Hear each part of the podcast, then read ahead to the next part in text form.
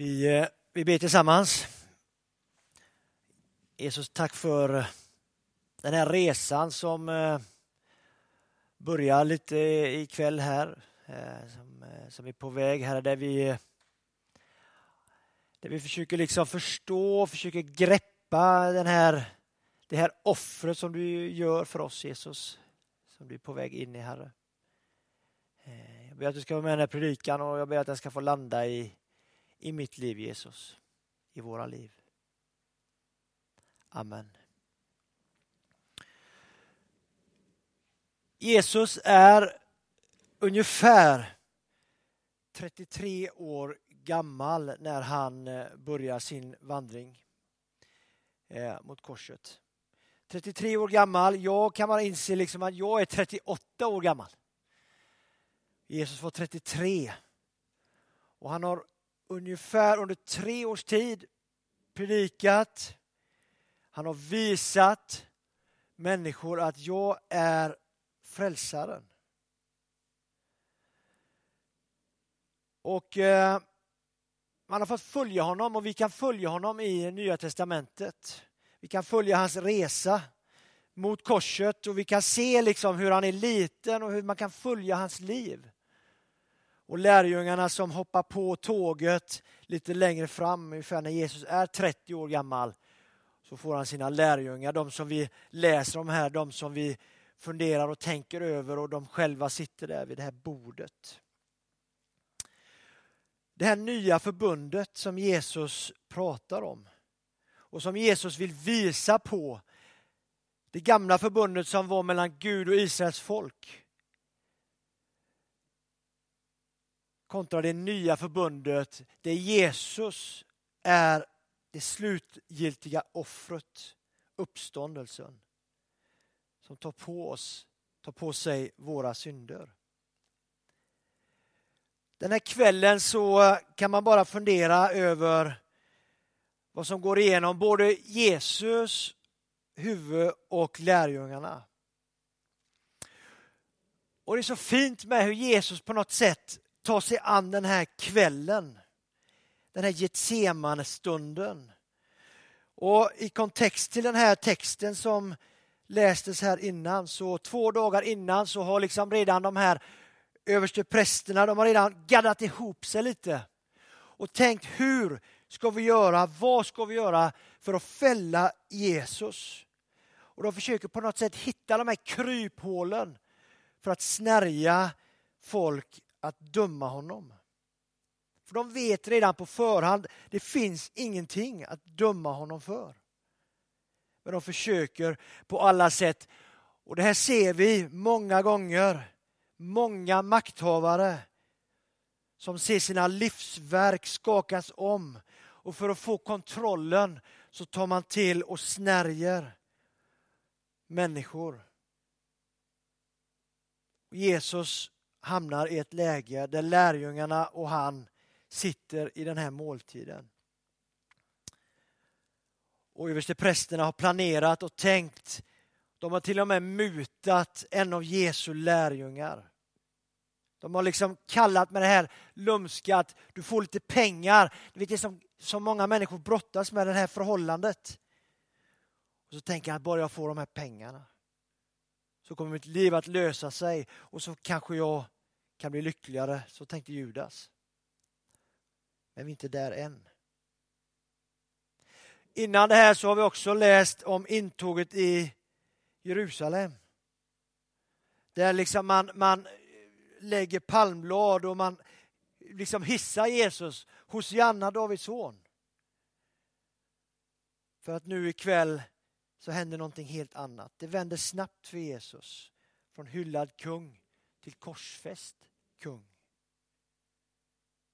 Och Jesus, han är Jesus på något sätt hela vägen. Han är Jesus hela vägen. Det som kanske du och jag inte skulle fixa, det gör faktiskt Jesus.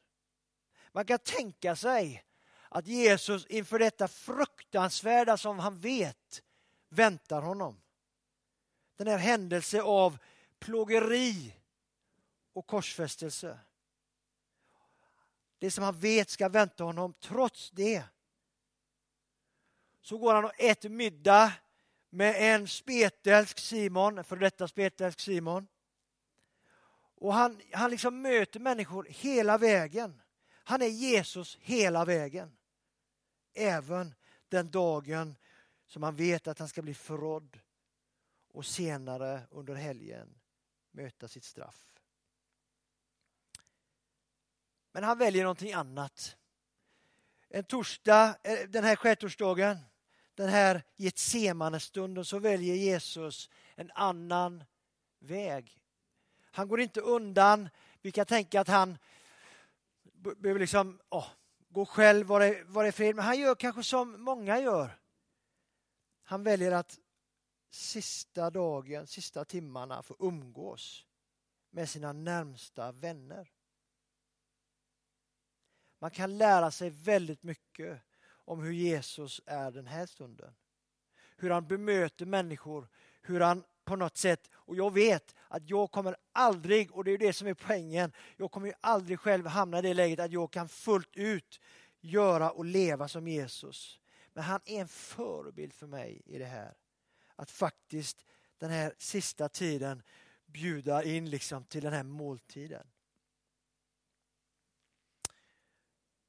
Vad är det som vi får bevittna här nu då? Jo, det dukas till måltid. Det dukas till en stund med nära vänner. Man kan tycka att det är lite magstarkt att Jesus på något sätt, när han vet att det här väntar honom. Tänk den här känslan, han är människa och Gud. Och han har mänskligt sett så känner han givetvis den här påtagliga ångesten över vad som väntar. Ändå väljer han att bjuda in till den här festen för han vet att det är viktigt. Han vet att det är viktigt att få ge lärjungarna och oss som följer Jesus en slags tecken på hur vi ska kunna minnas honom. Hur vi ska kunna fira det här som händer sen. Så bjuder han in till den här festen.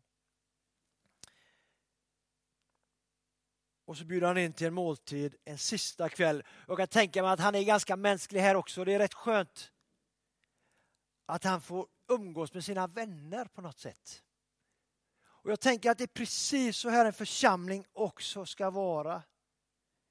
Att man faktiskt i nattvarden, som vi ska få fira här sen, att vi gör ju det bland vänner, bekanta, människor som är runt omkring oss. Det är liksom vi tillsammans. Kristi kropp, världens kropp. Som är Kristus. Vi gör det tillsammans, som vänner. En sista måltid kanske, för att berätta gamla berättelser. Tänk när vi gjorde undren där, tänk när vi gjorde detta. Ni vet en sån här härlig, skön kväll med sina vänner och man, man delar maten och man liksom umgås. Vi glömmer ofta den delen, tror jag att den här måltiden faktiskt, tänker jag, för Jesus är ett sätt att få liksom skratta med Petrus, umgås med sina kompisar. Samtidigt brottas med tanken. Och en stund in i måltiden så kommer ju det här när Jesus på något sätt säger att vänner, jag är ledsen att säga det. Men någon kommer förråda mig. Och ni kan tänka den känslan som uppstår när Jesus säger det. Någon kommer att förråda mig. Jag kan förstå alla de här liksom, upprördheterna och, och känslorna. Det är inte jag, det kommer, aldrig, det kommer inte vara jag.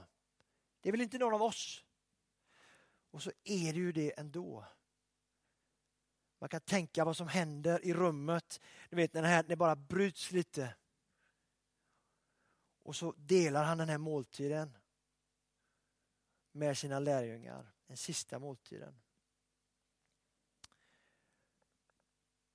Och Jesus vet att det här är min sista måltid här. Det här är min sista måltid med mina vänner. Jag umgås med dem. Och det blir ingen mer måltid sen. Det blir på sin höjd lite surt vin på en trasa. På sin höjd. Jag kan bara tänka mig hur det är för Jesus att sitta och veta att sitta och veta vad som väntar. Att dela den här måltiden i glädjen men också veta att det är någonting som väntar. Och det ligger någon slags, när Jesus delar detta och, och, de vet ju om också, för han har ju sagt att jag kommer lämna er men jag kommer komma tillbaka. Men det enda de funderar över, vad ska hända liksom? Och vi kommer ju läsa, eller vi kommer ju se de här texterna och läsa dem här under helgen. För att se lite och vi kommer få känna och vi kommer få uppleva den här kampen med lärjungarna och sådär. Men vi är inte där. Vi är just nu i ett semane.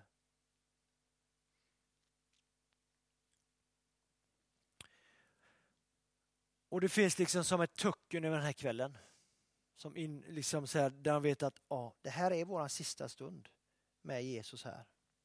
Självklart väcker det många frågor. Det gör det hos mig också. Det gör det förmodligen hos dig också. Men vi har ju på något sätt svaret här. Men vi är inte där än. Och det finns massa frågor som kommer här för lärjungarna. Dels det här med vem som förråder mig, det är väl inte jag. Vi vet att Petrus, många vet i alla fall att Petrus förnekar Jesus för att han aldrig ska göra det, så gör han det ändå. För att vi, han är människa liksom. Han är människa som du och jag. Han brottas med frågorna, kan detta stämma? Kommer han uppstå? Vad kommer hända med Jesus? Och det ställs många frågor. Och vi kan känna igen oss i frågorna. Det kan röra frågor i våra liv.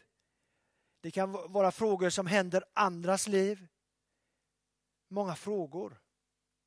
Många tankar, många tvivel. Både hos dig och hos lärjungarna. Det är så skönt att lärjungarna tvivlar. Vänner, det är så skönt.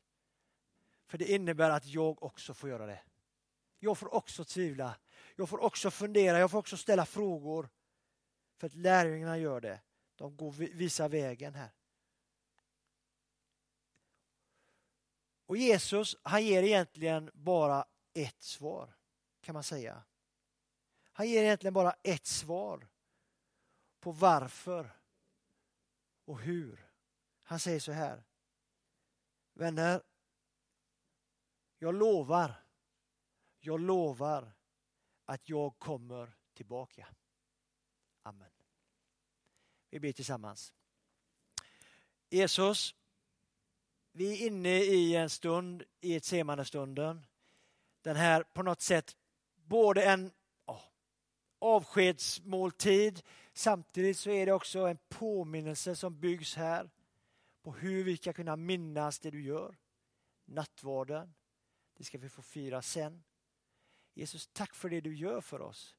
Vi kan bara liksom på ytan skrapa över den här ångesten, tanken på vad som väntar dig Jesus. Vi kan inte riktigt greppa det men du är där och vi får gå in i den känslan, den tanken Jesus. Jesus, tack för att du gör det för min och hela världens skull. Så att den som vill tro på dig ska få kunna göra det Jesus. Tack för det.